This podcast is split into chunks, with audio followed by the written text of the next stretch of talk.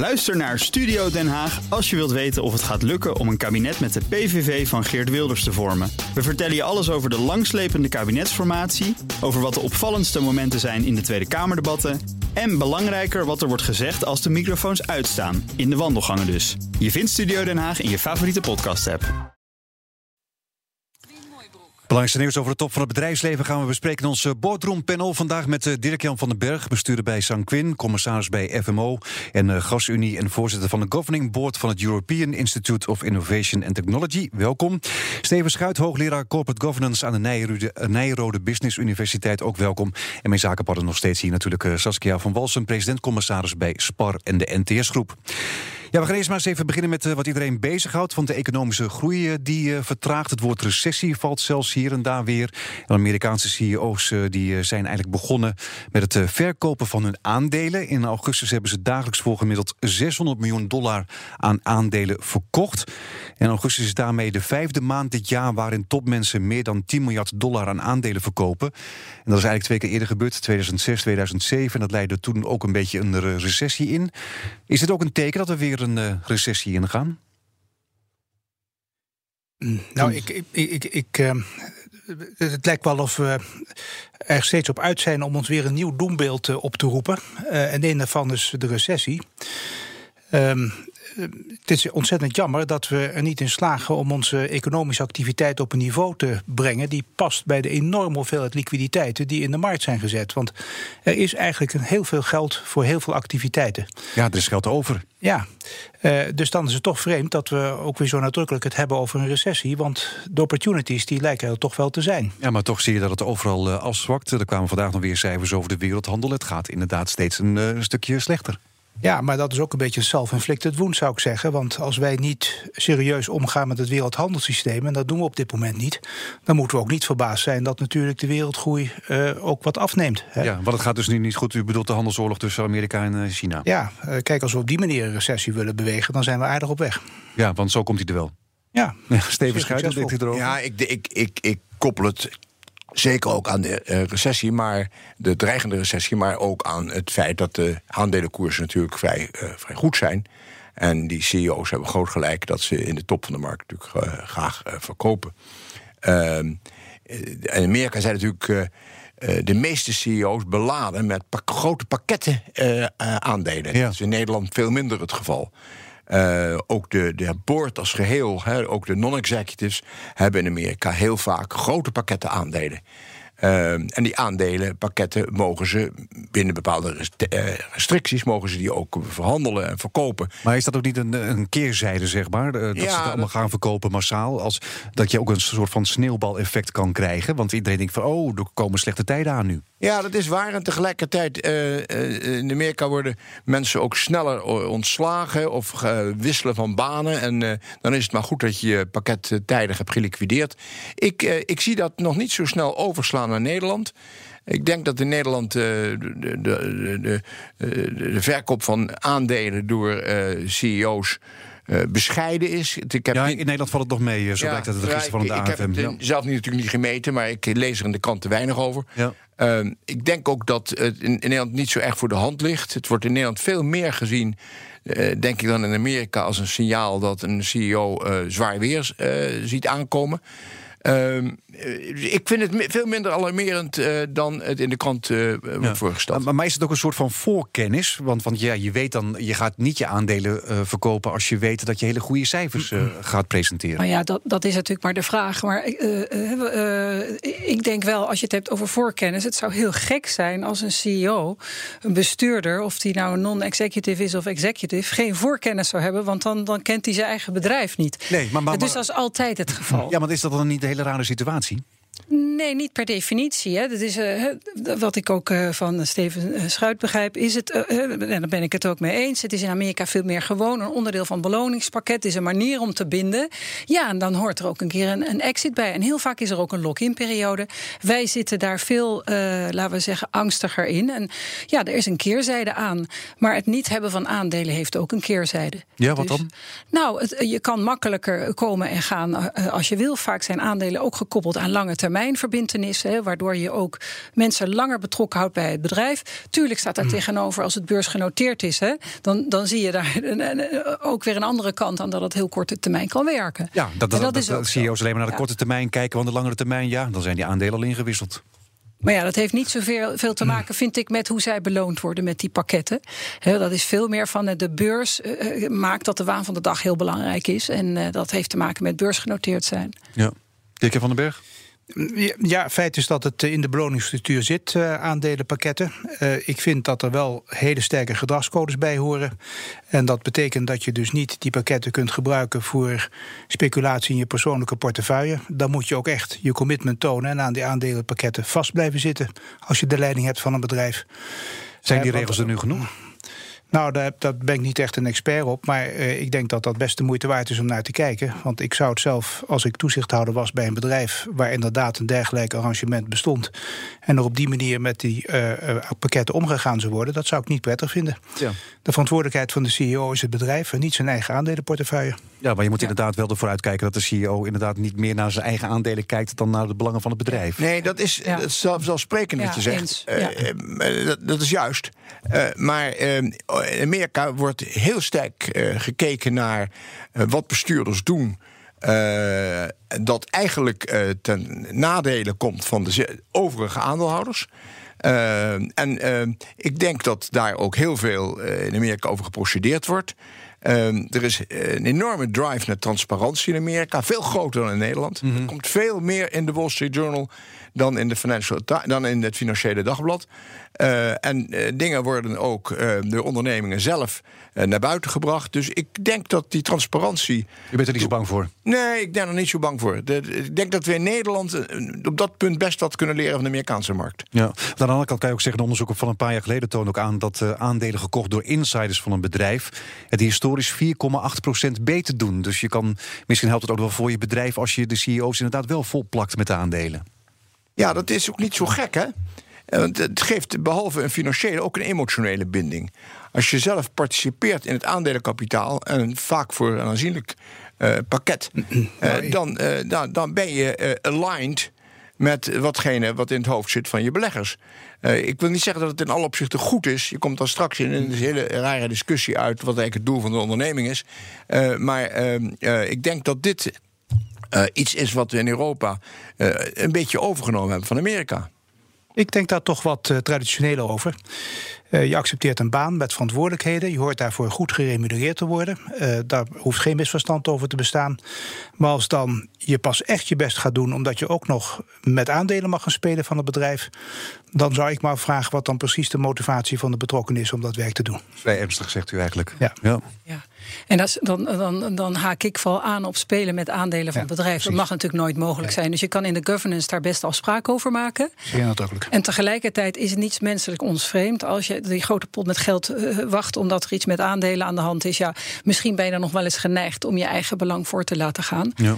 Uh, en ik vind overigens, als je nog een onderscheid wil maken tussen executive board en non-executive board. Ik heb zelf altijd, ja, ik vind, voel mezelf prettiger bij een, uh, een non-executive board die geen aandelen heeft, omdat je nog meer verantwoordelijkheid hebt voor al die stakeholders.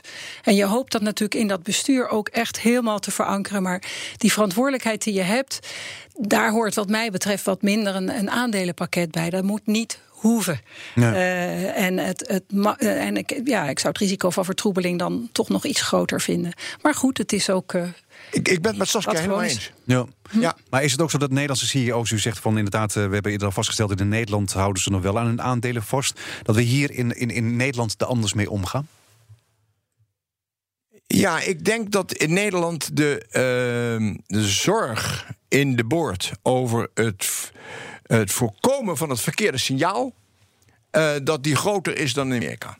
Dat hier uh, het, het, het, houden van aandelen door, ik heb het even over non-executives, over de commissarissen, eigenlijk heel ongebruikelijk is. Uh, het komt wel voor bij sommige bedrijven, maar dat zijn uh, echte uitzonderingen. Uh, het wordt ook eigenlijk ontraden door de, de Corporate Governance Code.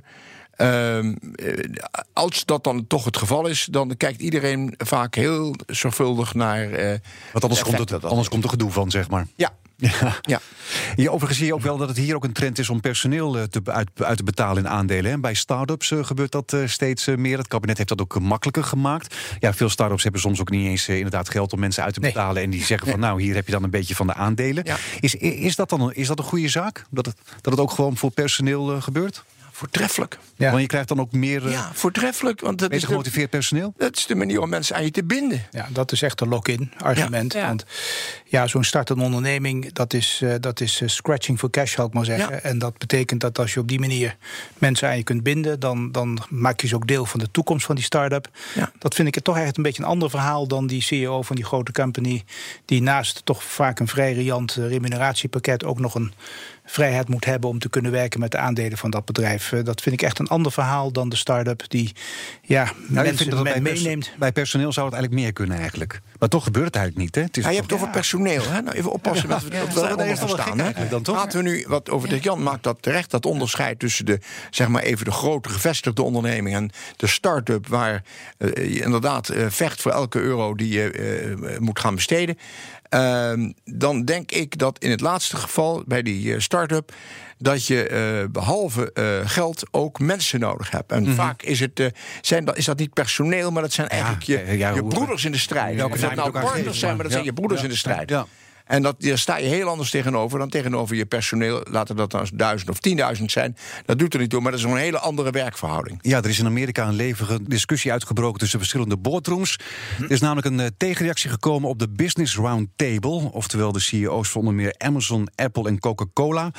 De belofte om nu voor de lange termijn te gaan en niet voor aandelers, eh, eh, aandeelhouderswinsten, zeggen 30 CEO's in een open brief eh, in de New York Times. En bij die 30 zitten de CEO's eh, van onder meer de Body Shop, Ben Jerry's. Ze zijn het dus niet eens met eh, Tim Cook en eh, zijn club, want ze moeten de aarde en de mensheid voorop stellen en niet de winsten. Een oproep eigenlijk om eh, meer ethisch zaken te doen. Hoe kijken jullie daarnaar? Ja, ik vind het mooi. Ik vind het ook belangrijk. Ik denk inderdaad dat er heel veel aandacht is voor aandeelhouderswaarde in de bedrijven. Eh, dat mag, maar er zijn ook nog andere dingen in de samenleving die ook van belang zijn. En ik vind dat je als bedrijf, eh, als deelnemer aan die samenleving, toch ook de plicht hebt om te kijken hoe je daarmee relateert. En dat je je afvraagt of jouw product helpvol is voor de samenleving. En dat gebeurt nu nog veel te weinig. Nou, eh, als het gebeurt, dan is het denk ik heel erg gewenst dat bedrijven dat veel duidelijker maken dat ze dat doen. Ja, ja. ja, en het is natuurlijk ook ingewikkeld, omdat als je aan de beurs genoteerd bent, dan word je vaak op die winstparameter afgerekend. Er moet gewoon flink veel winst worden gemaakt. Ja, dus dat, dat, dat is weer die waan van alle dag. Ik denk wel overigens dat in die, eh, ja, die oproep van de, de grote eh, CEO's...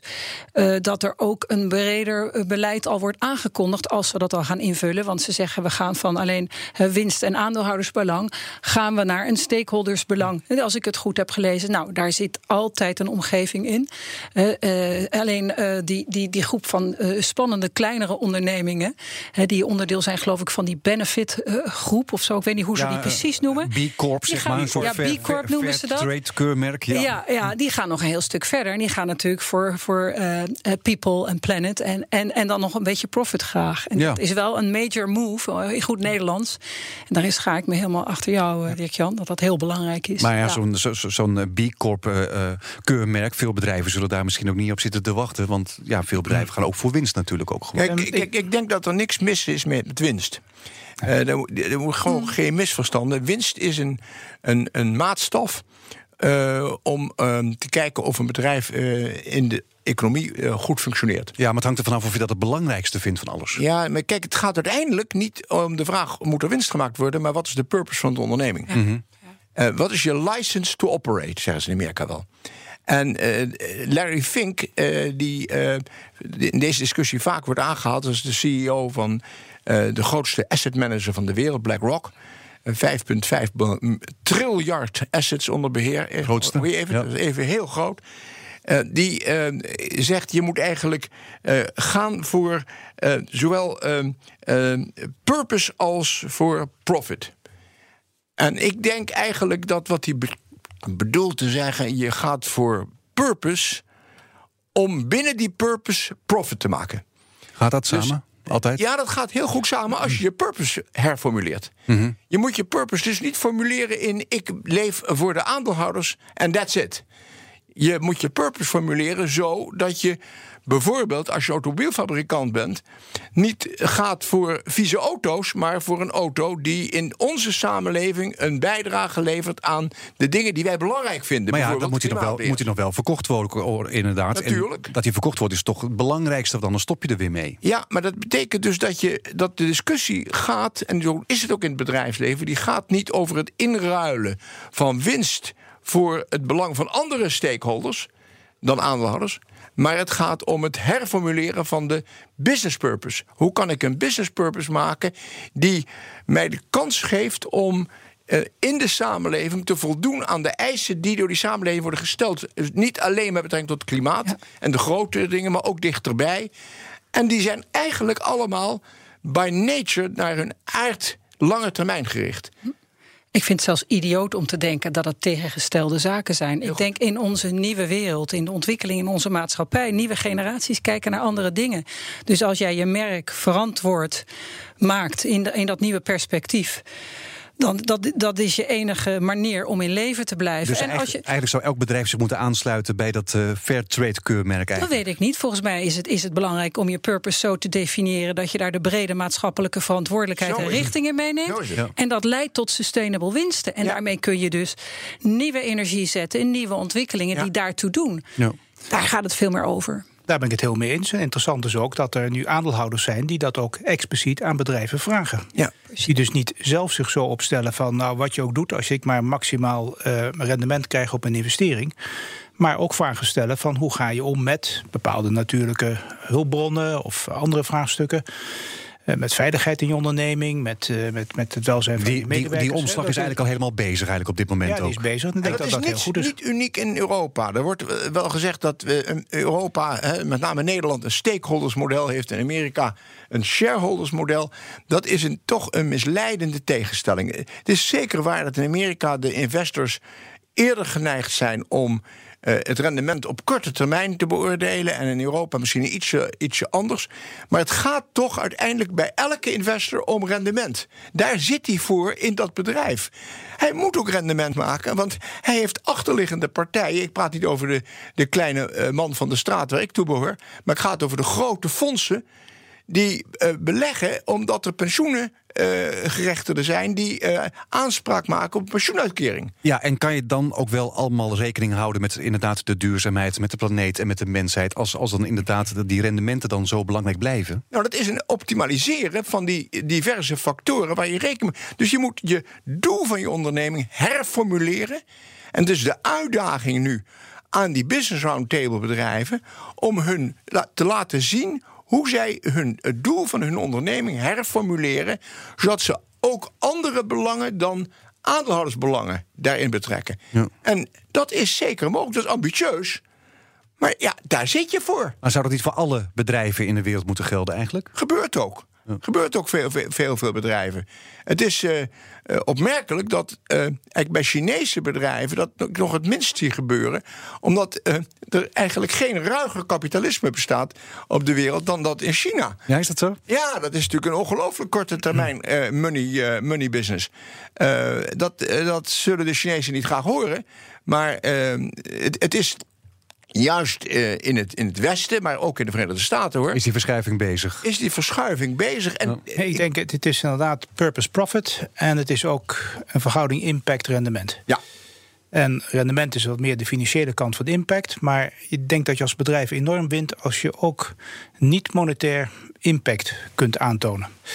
Uh, bijvoorbeeld hoe jij je medewerkers hebt begeleid bij het volgen van opleidingen om ze geschikt te maken voor de arbeidsmarkt en blijvend geschikt te maken voor de arbeidsmarkt. En ik denk toch dat dat een, een narrative is, om het maar in goed Nederlands te zeggen, die, die heel goed valt bij ook je markten, bij je aandeelhouders, bij de wenselijkheid om in jouw bedrijf te investeren. En ik denk dat er uh, aan de ene kant een hele goede boodschap in zit. Aan de andere kant dat het ook een verstandige positionering is. En dat we die weg wel aan het opgaan zijn. Ja. We eerder Daan uh, in de uitzending van uh, Peerby. Hij heeft een boek geschreven over zijn start-up. Ja, hij liep er ook eigenlijk een beetje tegenaan dat, dat hij wil dus iets goed doen voor de wereld. Iets te, te, tegen de consumptiemaatschappij. Maar dat als je iets goed wilt doen voor de wereld, dat dat eigenlijk niet in waarde wordt uitgedrukt. Hè? Dat, dat, dat, dat economisch eigenlijk helemaal niet meetelt. Zou dat eigenlijk moeten veranderen? Ja. ja. iedereen vindt het knuffelbaar, hè? Zo, zoals we ook bespraken, en aaibaar. En vervolgens ja. moet er iets gebeuren en, en, en, en dan valt het tegen. En je kunt bepaalde zaken wat moeilijker in uh, criteria uitdrukken om het ook te meten. En dat is wel ook waar de toekomst voor een stuk naartoe gaat. Kun je op een bredere manier naar succescriteria kijken. Opdat je mee gaat nemen, de duurzaamheid gaat meenemen. Mm -hmm. Of de verandering van een, een businessmodel wat de maatschappij echt helpt. Hè, ja. En wat bijvoorbeeld in dit geval de footprint vermindert en dergelijke. Daar zijn manieren voor. Maar ja, dat is ook een beetje hogeschoolwerk soms nog. Dat moet toch een beetje vorm krijgen allemaal. Andere aspecten aan, en ook dat is ingewikkeld natuurlijk. Maar we werken met marktsystemen. Marktsystemen hangen weer nauw samen met prijsvorming.